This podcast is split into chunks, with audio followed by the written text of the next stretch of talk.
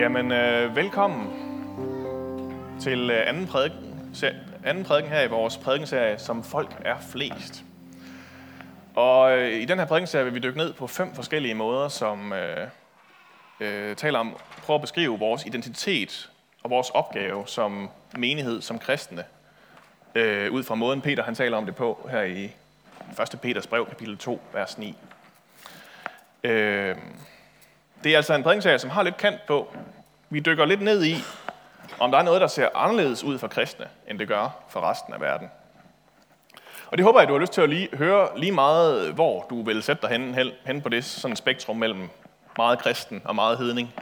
Øh, øh, fordi det er vigtigt for mig at understrege, at selvom altså, det her godt kan høre sådan lidt selvfedt og ekskluderende, øh, så håber jeg virkelig ikke, at det bliver det. Øh, det her det er noget, som alle er inviteret med til.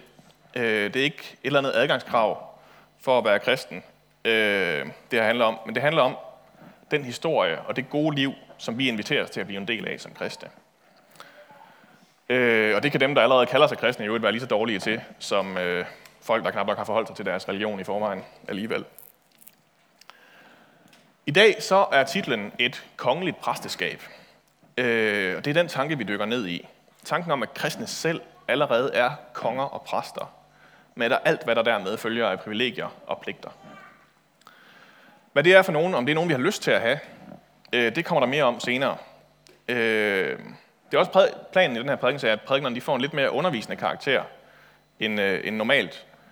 Og i dag så får det udtryk ved, at vi skal godt rundt i Bibelen, og vi har nedslag både i urtiden for 3.000 år siden, for 2.000 år siden, for 500 år siden og i dag. Så ja, det bliver godt. Vi starter for 3.000 år siden. Øh, for at dykke lidt ned i det, så går vi nemlig til det gamle testamente, og nærmere bestemt til kong David, øh, som ikke helt er blevet konge endnu på det her tidspunkt dog. Øh, han er blevet salvet af en profet, øh, men Saul, som er den nuværende konge, han er ved at blive meget, meget vanvittig og misundelig på David. Han har faktisk øh, for et par kapitler siden forsøgt at spide David, øh, sådan bare fordi han lige blev ramt af vanvittet. Og han er sådan så småt begyndt med hans likvideringsplaner af, hvordan David han skal dø. Så derfor så er David stukket af med hjælp fra hans kone, øh, som er Sauls datter, og med hjælp fra hans bedste ven, som er Sauls egen søn. Øh, og nu er han på flugt, og han har nærmest ikke andet end det tøj, han lige nåede at stikke af i på. Øh, så kommer han til Nob, og nu vil øh, Silas og Sine komme op og øh, læse teksten, og vi skal høre, hvad der så sker.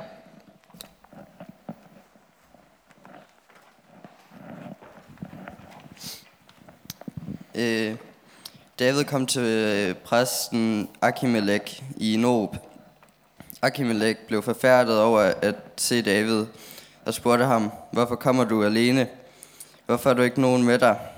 David svarede præsten Akimelek, Kongen har pålagt mig et ærne, og han sagde til mig, at ingen måtte vide om dette ærne, og pålagde mig at sende mig ud i folkene. Øh, har jeg sat stævne på det og det sted. Men sig mig, hvad har du hos dig? Giv mig fem brød, eller hvad du nu har. Præsten svarede, David, jeg har ikke noget almindeligt brød, kun helligt brød. Men jeg har dit folk nu også holdt men har dine folk nu også holdt dig fra kvinder? David svarede præsten, Hidtil har vi været udelukket fra kvinder. Hver gang jeg drog ud, så folkets kroppe var helligt, hellig gode. Det var endda kun dagligdagens egne. Hvor meget mere må de så ikke være hellige i dag? Så gav præsten ham det hellige brød. Det var nemlig ikke andet brød end det skuebrød, som blev fjernet derfra, hvor de ligger foran Herrens ansigt. Når de blev fjernet, lægger man frisk brød frem. En af Samuels mænd var netop den dag lukket ind derfor Herrens ansigt. Han hed Doris og øh, var Edom anfører for Samuels hyrder. Tak for det, Signe. Må jeg nå op den der? Nå, øhm, lad os lige øhm, pakke den her tekst ud. Øhm, det er som om, der er 3.000 års kulturkløften lige gemmer sig bag. Øhm, så David han kommer til præsten, Akimelek, og han er mest bare voldsomt sulten. Øhm, det kan man godt forstå, hvis man lige har glemt at få morgenmad eller et eller andet. Og Akimelek han ved godt, at øh, David han er det, man mildt må kalde en kontroversiel skikkelse på det her tidspunkt. Øh, han er ikke helt tryg ved at være alene med ham. Gudsmanden David, som øh, alle steder i Bibelen er kaldt en mand efter Guds hjerte, han gør, hvad han åbenbart tænker, han godt må. Han lyver for Akimelek. En løgn, som man kan bruge, kan bruge til at få præsten til at holde mund, når han er der, og til at hjælpe ham. Jeg vil ikke gå ind i det komplicerede forhold mellem kirke og stat på det her tidspunkt. Det har jeg ellers læst en lang bog om. Men øhm, øhm, jeg kan afsløre, at det er tæt nok til, at det her det bliver et problem for præsten senere, at han har hjulpet David nu.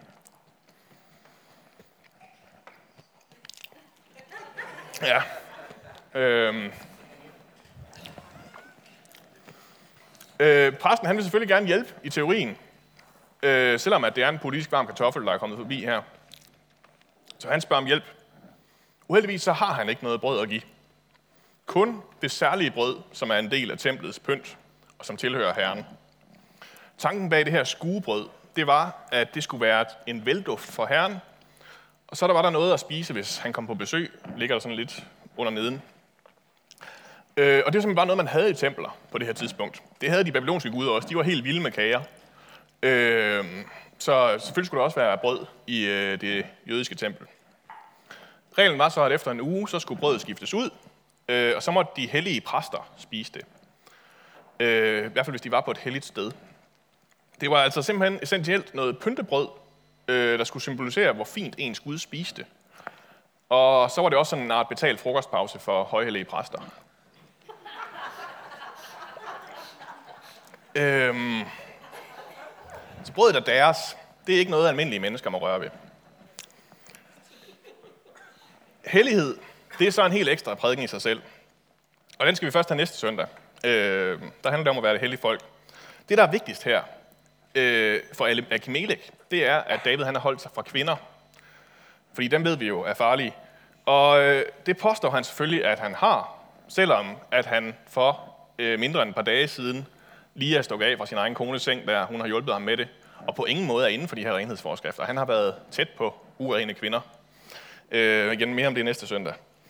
Øh, præsten, han bøjer sig, og han giver ham brødet. Om det er medlidenhed, kærlighed eller frygt, det er ikke sådan lige til at få styr på, ud fra den her tekst. Hvis vi skal finde på en sammenligning, så vil det nok svare til, at jeg gik ned på kunsten og tænkte, ja, det der billede, det vil jeg gerne have med hjem, og bare sådan tog det med. Lovede, jeg skal nok passe godt på det. Øh, øh, eller måske bare tage en bid af nadverbrødet.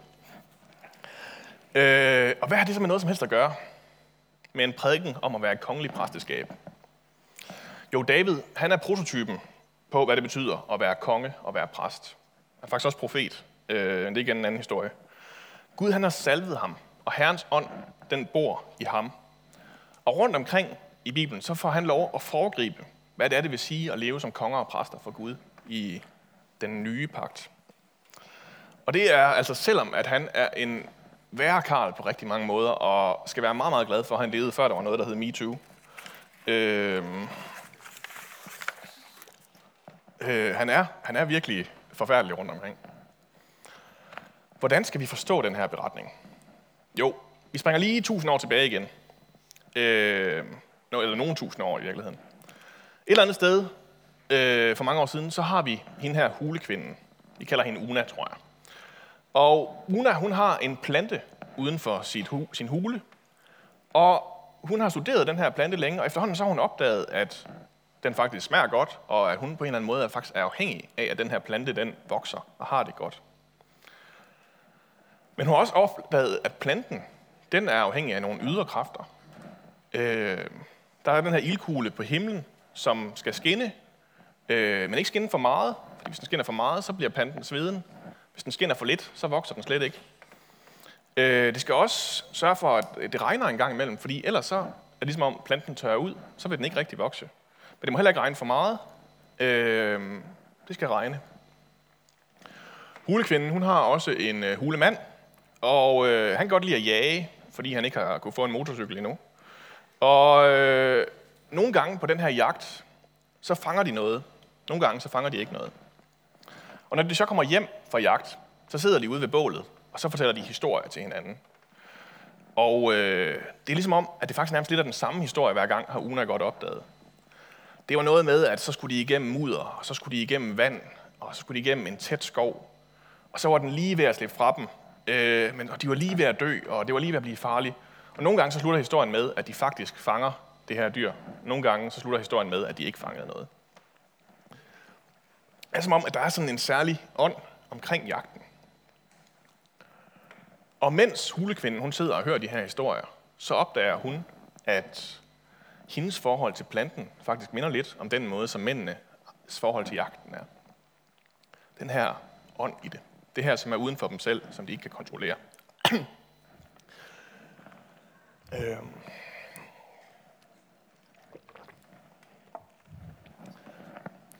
Hulekvinden, hun har også opdaget, at det ikke bare er ildkuglen om dagen, øh, der gør noget. Der er også en lyskugle om natten, som kører rundt.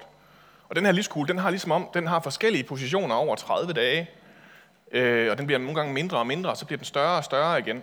Og øh, det er ligesom om, at det måske også hænger lidt sammen med, hvordan at ildkuglen om dagen, den bevæger sig. Og hun har også opdaget, at hendes egen krop øh, på en eller anden måde hænger sammen med de der 30 dage, der går mellem lyskuglen bliver lille og stor igen. Og så tør jeg ikke forsøge at begive mig mere ud i forklaringer der. Øh, og til sidst så må hun bare konkludere, at der er nogle kræfter, som hun er dybt, dybt afhængig af, som er uden for hendes kontrol. Og det gælder hvad enten det er vandet, eller solen, eller jagten. Og det er dybt, dybt frygteligt at vide. Fordi så regner det ikke.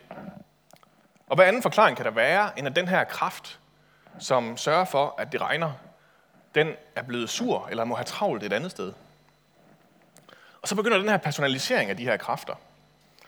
Og man begynder at give dem navne. Hos de gamle mesopotamere, som er nogle af, en af de ældste civilisationer i verden, der kaldte de vandguden for Yarm. Øh, hos sumererne, som kommer lidt senere, så kalder man vandguden for Enlil, og så videre og så videre. Der er navne for alle de her kræfter og alle de her guder. Og hvad gør man så for at gøre Jarm eller, eller en lille eller Søvs glad igen? Øh, hvad gør man med de her kræfter, som man ikke har kontrol over? Måske kan man danse for dem. Eller man kan fortælle historier for dem. Eller holde fester for dem. Eller måske ofre noget til dem. Og så er religionen født. Om alt, mens de her religioner de vokser rundt omkring, så er israelitterne slaver i Ægypten. Og de har næsten glemt, at de havde en Gud i første omgang. Men pludselig så kommer Moses. Og Moses han fortæller om den her eneste sande Gud, Yahweh, som endda påstår, at alle de andre guder er falske. Det var der ikke nogen af de andre guder, der kunne finde på, eller andre religioner, der kunne finde på at påstå. Det var bare et spørgsmål om, hvem der var hvilke guder, ikke? om. Og den her Gud, han skal selvfølgelig også have et tempel, fordi det har alle de andre guder. Og ligesom alle de andre religioner, så vil man give det fineste, man har til, til Gud i det her tempel, for at holde Gud så glad som muligt. Så man offrer de første fødte lam og de okser, øh, som man nu har. Man soner sine sønner i det her blod. Alt sammen efter nogle meget, meget komplicerede forskrifter, som er lagt ud i sådan hele tredje Mosebog i Bibelen. Og der er simpelthen også nogen, der tænker, øh, han skal også have et nybagt brød. Lige lidt brød til maden. Øh, og selvom det så bliver præsterne, der spiser det det meste af tiden, så det, det står faktisk, at det er deres eviggyldige rettighed. Igen øh, er det svært ikke at lave en overenskomstforhandlingsjoke. Øh, ja. Øhm, men, øh, men, men det her brød skal altså også være der. Så jødedommen, det bliver også sådan en offerreligion, øh, hvor man der er ofre for alle slags synder. Der er både brandoffre, som er til for at bringe Herren velbehag igennem den her dejlige duft af kød. Der er afgrødeofferet, hvor man øh, brænder noget korn. Igen for, for duftens skyld. Gud han går meget op i dufte. Øh, så er der måltidsofferet, hvor man øh, brænder fedtet, fordi at alt fedt tilhører Herren. Det fedeste vers i Bibelen. Øh, no pun intended. Øh, og der er synderofferet, som simpelthen er for de uforsættelige synder. Dem, man har glemt, at man har begået. Øh, skyldofferet, hvis det var virkelig, virkelig dumt gjort, men stadigvæk lidt uforsætteligt. Øh, og alle mulige andre små og store offer, som skal gøre, at vi er hellige igen, som skal gøre, at folk er værdige til at komme ind for Gud. Og alle de ofre, dem lever jøderne af. Det er et kompliceret, men meget, meget velgennemtænkt system. Men rundt omkring i Bibelen, så kommer der små riser i lakken. I salme 50 for eksempel, så peger Gud på, at offeret nærmest er ligegyldigt. Fordi dyrene, dyrene, de tilhører ham allerede. De kan ikke engang give dem til ham. I Mikas bog, kapitel 6, der lyder det sådan her. Hvordan skal jeg træde frem for Herren og bøje mig for Gud i det høje? Skal jeg træde frem for ham med brandoffer, med årgamle kalve? Tager Herren imod vædere i tusindtal, imod oliestrømme i 10.000-tal. Skal jeg give min førstefødte for min overtrædelse, min livsfrugt for min synd? Nej, siger Gud. Han vil ikke have deres ofre. Tusinde vædere, det er fuldstændig ligegyldigt for ham. Han vil have, at mennesker de skal handle retfærdigt og vise trofast kærlighed og overvågen vandre med deres Gud, slutter Mikas bog af med. Så hvad er det lige, de skal med de her ofre? Det er som om, at systemet ikke helt fungerer alligevel. Og nu står brødene så her i dag for kong David, og er en meget, meget lille og ret sekundær del af den her offerpakke. Og det har, jeg tænker, det har nærmest primært tjent til lige at holde den lokale bager i arbejde. Øh, og dem er der egentlig nogen, nogen styr på, når det bare er kun præsterne, der spiser dem. Så kører det. Og nu kommer David så og er sulten og vil have dem. Og han lyver oven i købet for at få dem. Han er uren. Hvordan kunne han finde på det? Tro, at brødet, det tilhører ham. Jesus han bruger faktisk den her begivenhed til at forklare, hvad det er, han vil. Hvad det er for en ny virkelighed, han bringer. Situationen er, at disciplene de har plukket aks på en sabbat, det vil sige, de er lige gået og snakket lidt med lidt hvedekorn. Øh, og det er en helligdag. Det er en dag, hvor man ikke må arbejde, og det er simpelthen i farisæernes terminologi klassificeret som arbejde at gå og plukke aks. Øh, så de starter en debat med Jesus, hvordan kan det være, at dine disciple de arbejder på en sabbat? Og Jesus han prøver først at skyde tilbage med, om de har tænkt over det problem, at præsterne også arbejder om sabbaten. Øh, det problem har vi jo stadigvæk. Øh, det virker ikke.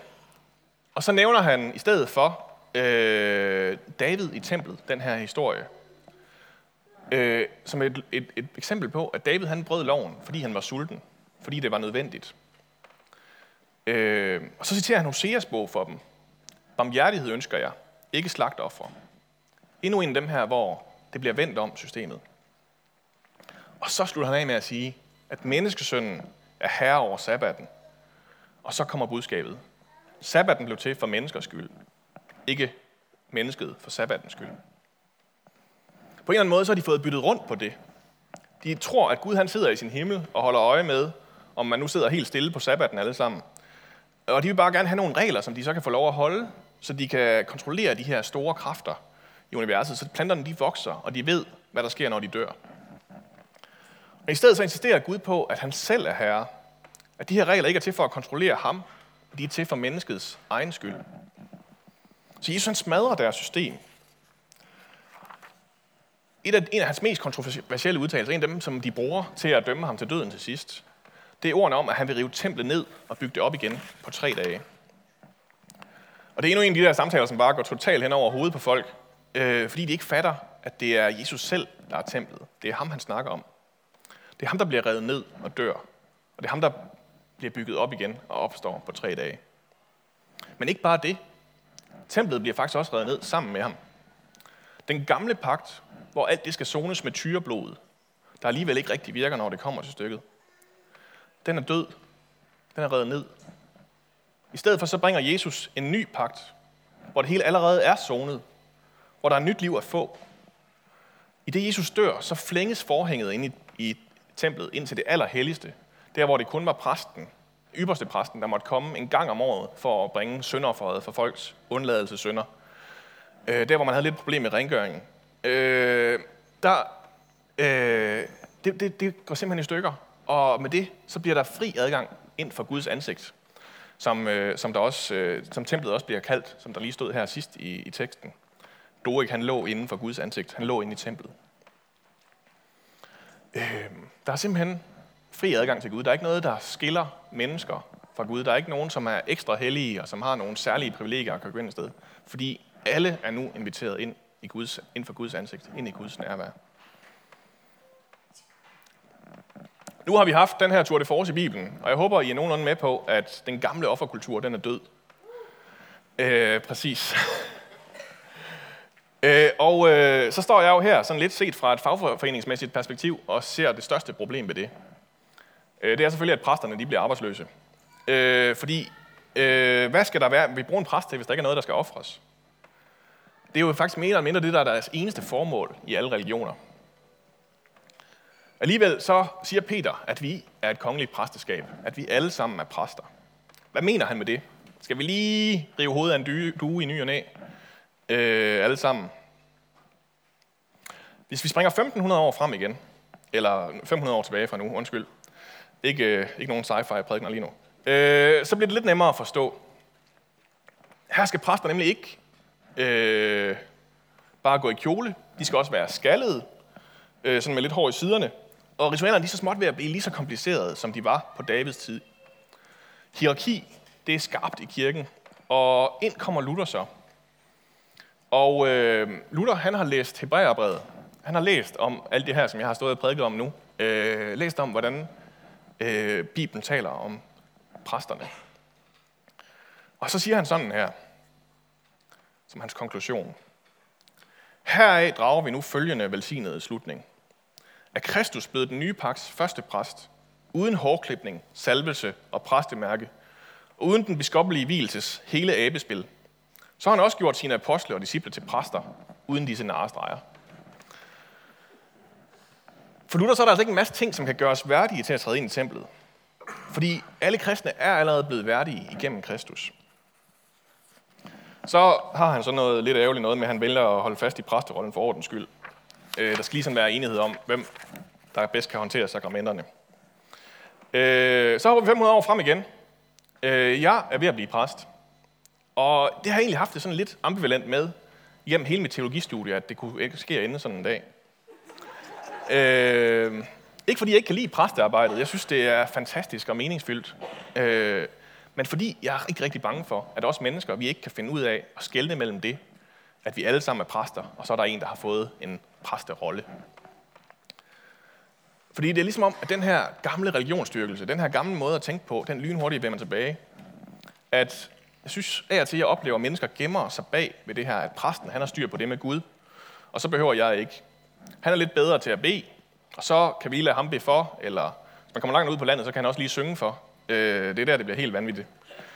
Øh, ja, Lige nu så er der øh, præster rundt i landet, som, øh, som stiller sig sådan ret stejlt, stejlt op imod det her med, at de skal til at strejke.